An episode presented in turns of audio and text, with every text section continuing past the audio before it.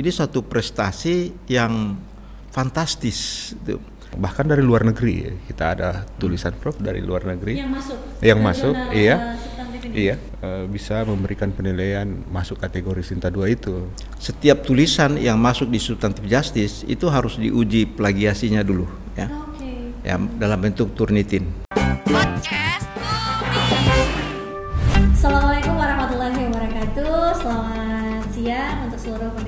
podcast UPI Makassar dan juga channel YouTube UPI Makassar. Rizky Amir kembali menyapa Anda. Dan di edisi kali ini kita eh, boleh berbahagia ya, khususnya eh, teman-teman dari Fakultas Hukum Universitas Muslim Indonesia dan boleh jadi seluruh keluarga besar Universitas Muslim Indonesia ini karena uh, salah satu jurnal yang dimiliki oleh Fakultas Hukum Universitas Muslim Indonesia meraih uh, akreditasi Sinta 2 ya jadi ini capaian yang boleh dibilang luar biasa. Karena uh, jurnal dari Fakultas Hukum Indonesia itu hanya sekitar uh, 41 jurnal ya yang ada di Indonesia. Dan dari jurnal uh, substantif justice kalau nggak salah namanya ya Ya. Pak Han ya. Eh, itu meraih akreditasi Sinta 2 sudah hadir di tengah-tengah kita eh, Bapak Wakil Rektor 3 dari Universitas Indonesia Bapak Profesor Dr. Haji Laude Hussein SH MH itu selaku chief editor dari eh, jurnal substantif eh, justice ini dan juga ada Kakanda Aan Aswari. Aswari selaku uh, managing editor ya dari jurnal ini. Nah, selamat untuk jurnal uh, substantif justice ini sudah memperoleh sintah kedua. Ini luar biasa kalau saya bilang Ya. karena selama ini kabar-kabarnya dari jurnal itu nggak ada, tapi tiba-tiba langsung peringkat dua.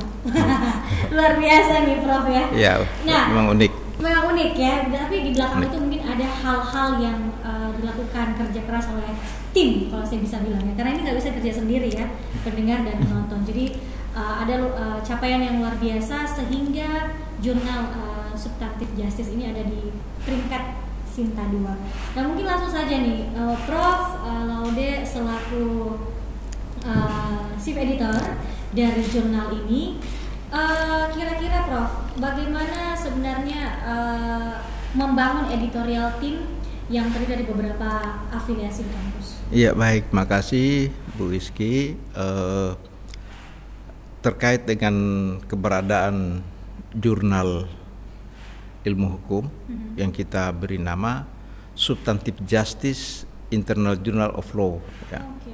Kita harapkan jurnal ini adalah jurnal eh, internasional, ya. dan memang eh, kita dirikan atau dibentuk sekitar tahun 2017 ya 2017 dan pada saat itu memang ini eh, lahir di sebuah warung kopi. Dari sebuah Jadi dari warkop ya, Prof, ya? ya muncul dari sebuah warung kopi, di situ muncul diskusi tentang jurnal. Eh, Alhamdulillah eh, kita ambil langkah bersama-sama dengan an- teman-teman semua. Eh, kita berinisiatif untuk membuat satu jurnal eh, internasional di Fakultas Hukum UMI dan pada saat itu kita beri nama eh, Substantive Justice International Journal of Law. Kenapa namanya seperti itu, Prof? Eh, memang kita harapkan dia betul-betul eh, lebih pada bermuatan eh, keadilan substantif ya. Dari situ kita harapkan eh, mahasiswa eh, ataupun dosen bisa punya motivasi untuk menulis dalam eh, jurnal internasional. Memang hal yang tidak diduga perjalanan eh, jurnal ini kalau seperti eh, Bu Iski tadi kesampaikan bahwa kok tiba-tiba eh, Langsung Sinta langsung terakreditasi Sinta dua. Sinta 2. Ini satu prestasi yang fantastis. gitu. Tapi jujur saja ini bukan bukan pekerjaan yang ujuk-ujuk, tapi memang eh, ini sudah terproses sejak tahun 2017. Ini kerja keras dari dari tim, Iya. baik tim auditor, eh, begitu juga pereviewer.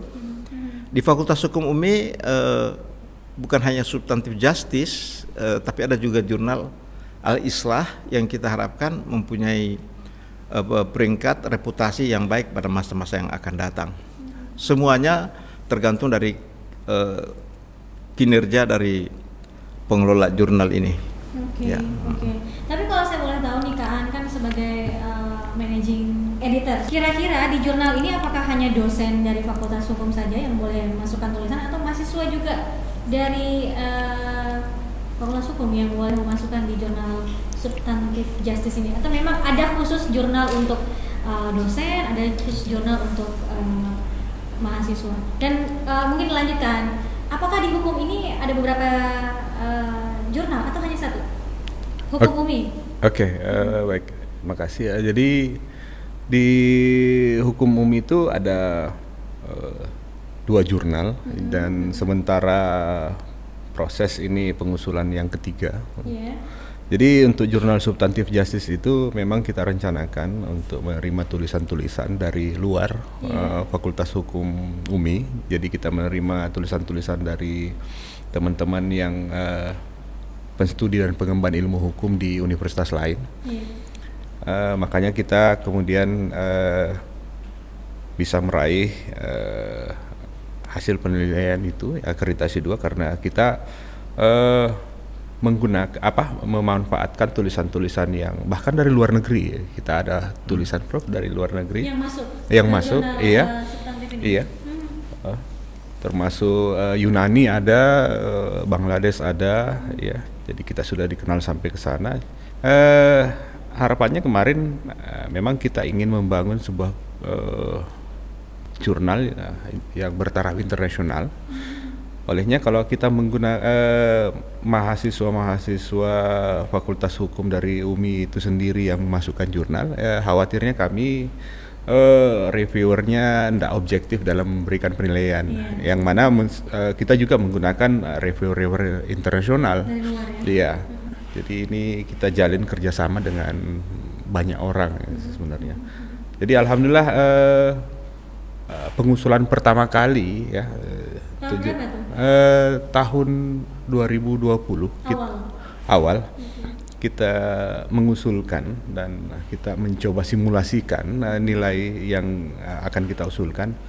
Tidak disangka dari eh, kegiatan kami selama ini ya eh, bisa memberikan penilaian masuk kategori Sinta 2 itu sehingga ya Iya. hasilnya pun yang keluar seperti itu alhamdulillah eh, banyak teman-teman eh, dukungan-dukungan dari ya berbagai universitas termasuk dukungan Prof sebagai chief editor ya untuk menjalin kerjasama di luar akhirnya ya kami salah satu jurnal yang yang dalam pengusulan pertama kali dan langsung meraih Sinta 2 itu Hmm. itu Dan itu di UMI ya, UMI. Iya yang sementara ya Sementara saat ini. sementara saat ini di antara sekitar eh, 16 jurnal ya kalau nggak salah ya ya kita Sinta 2 ya, ya, yang paling tertinggi ya. Oke. Nah, kalau boleh tahu skop penelitian yang masuk ke dalam eh, jurnal substantif ini seperti apa? Baik, eh, di substantif justice itu eh, hukum agraria, hukum adat, ya. eh, jadi skopnya memang masih agak luas. Masih Ya. umum ya.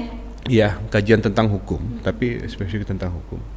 Jadi eh, hukum tata negara, administrasi, ya. Ini eh, substantif justice international journal law of law ini terbit dua kali setahun, bulan Juni dan bulan Desember, secara tepat waktu. Hmm. Ini dalam bentuk online ya. bentuk online Bentuk betul. online. Ah, ah. Jadi memang kalau ada dari luar Universitas Indonesia yang Ya. mau memasukkan jurnal langsung hubungi di bawah ini. Iya. Tapi Prof, kira-kira apa-apa saja yang menjadi poin utama yang penting yang perlu diperhatikan untuk uh, akreditasi jurnal, Prof? Iya, eh, saya kira yang perlu di- mendapat perhatian untuk mempertahankan eh, akreditasi ini adalah eh, konsistensi, ya konsistensi dalam format, ko- konsistensi dalam penulisan, yang tidak kalah pentingnya adalah eh, dalam hal eh, teknik pengutipan, ya pengutipan sebagai bentuk pertanggungjawaban ilmiah dari setiap eh, tulisan itu, karena eh, setiap tulisan yang masuk di substantif justice itu harus diuji plagiasinya dulu ya. Oke. ya dalam bentuk turnitin.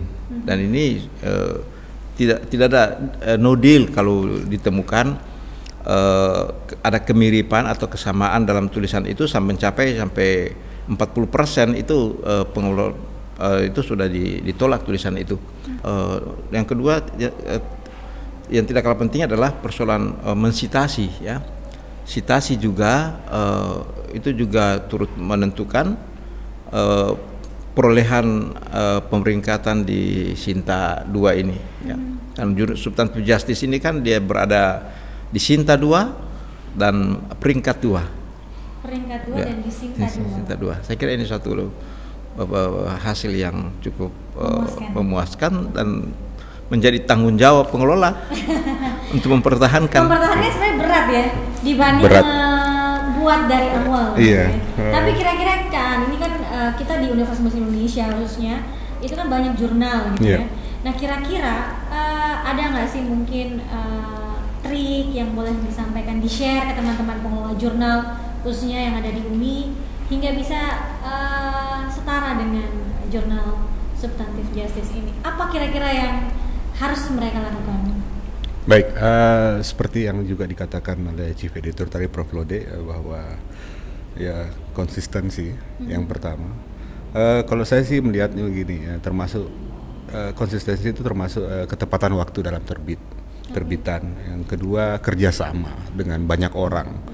Kita bahkan mendapatkan uh, reviewer itu uh, sampai ke luar negeri ya jadi tulisan Indonesia diulas di luar di review di luar mm-hmm. masuk lagi ke Indonesia ya ya jadi kerjasama ini agak sulit memang kita uh, lakukan kalau memang uh, kita tidak siap ya nggak siap jadi uh, diduk kita didukung terus ya jadi uh, dukungan pimpinan dukungan uh, dari berbagai sektor di dalam ya penentu kebijakan di dalam Universitas Muslim Indonesia ini sangat penting ya. Hmm. Jadi itu salah satu triknya. Jadi kalau kita sudah dikasih dukungan seperti itu ya kita kemudian uh, merasa percaya untuk bisa mendapatkan teman teman-teman yang bisa membantu mengu dalam pengulasan hmm. maupun dalam tataran awal dalam tataran editor ya hmm. kami melibatkan uh, dari berbagai editor jurnal yang ada di Fakultas Hukum yang seluruh Indonesia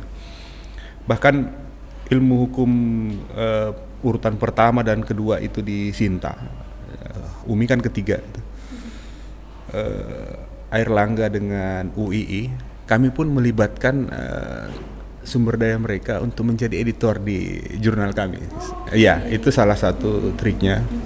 Uh, Jadi sebenarnya kuncinya kolaborasi. Kolaborasi, ya. Kolaborasi. Bahkan kami uh, bekerja sama dari ber, dengan berbagai univers, uh, fakultas, misalnya untuk uh, technical support kami menggunakan uh, teman-teman dari Vkom. Hmm. Jadi tidak hanya Fakultas Hukum. Jadi melibatkan semuanya. Iya pertanyaan saya, kira-kira apa saja bagian dari bagian tim dalam jurnal dan uh, apa-apa saja pekerjaannya? Ya, uh, kalau chief editor kan uh, memang dia adalah orang yang kemudian memberikan uh, supporting. Uh, iya, dan dia dia dia chief editor itu bukan orang sembarang sebenarnya. Hmm. Uh, kepercayaan pertama itu muncul dari ketika orang autor itu melihat bahwa si editornya siapa sih ya dia punya tulisan nggak tuh eh, ya sudah berapa lama sih dia nulis gitu kemudian masuk uh, ada managing editor managing editor ini ya alhamdulillah saya dipercaya kemudian karena kemarin-kemarin saya ditugaskan selalu untuk mencoba mencari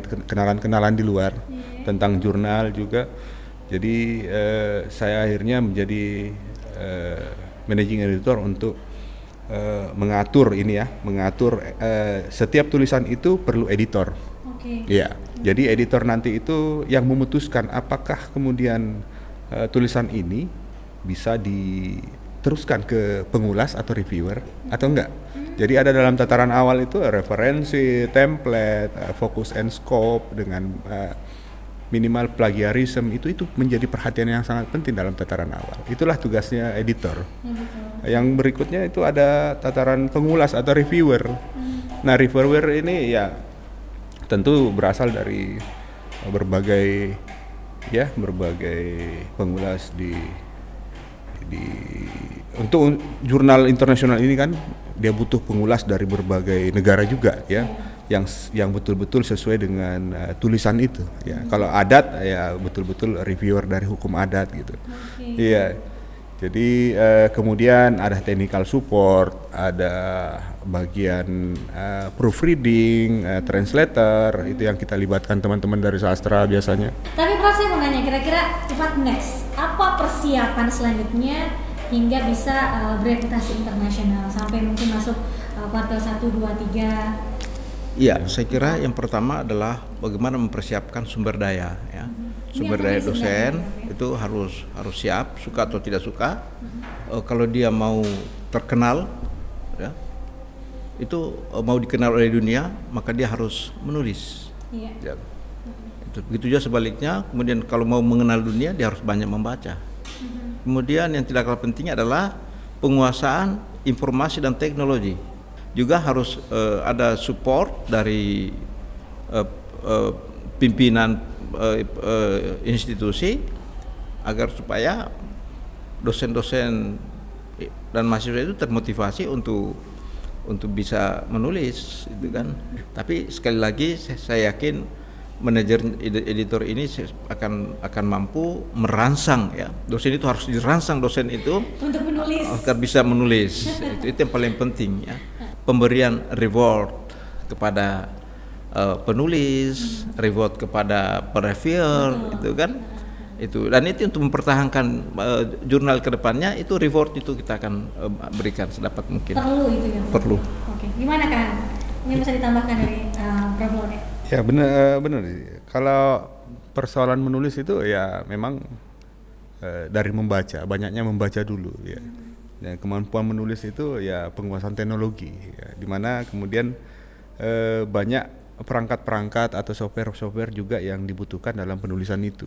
Misalnya teknik pengutipan, teknik eh, template-nya supaya kelihatan bahwa memang tulisan itu dikerjakan secara sebenar-benarnya karena banyak juga yang kemudian eh, tulisan yang hadir itu sekedar memfabrikasi kata-kata atau fabrikasi data yang tidak memiliki makna sehingga itu kadang eh, peran kemudian dari kuartil 1 2 turun 3 sampai hilang daripada kuartil itu. Nah, harapannya substantif justice sejak awal kita dengan secara alamiah bisa mendapatkan bisa mendapatkan kuartil-kuartil itu di misalnya Scopus ya tapi kami harapannya secara alamiah ya dengan pola-pola yang ideal ideal seharus sehingga kita bisa mendapatkan itu Eh, itu saja sih sebenarnya Eh, mudah-mudahan bisa tercapai nanti Amin. ya. amin Selamat untuk uh, sekali lagi jurnal substantif Justice yang sudah meraih uh, akreditasi Sinta 2 ya.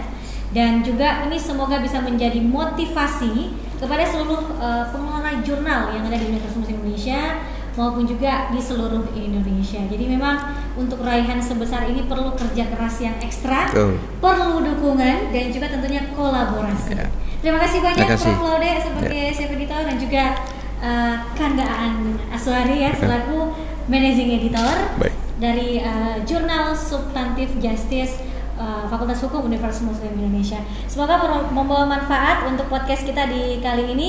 Amir pamit. Terima kasih. Assalamualaikum warahmatullahi wabarakatuh. Waalaikumsalam warahmatullahi wabarakatuh.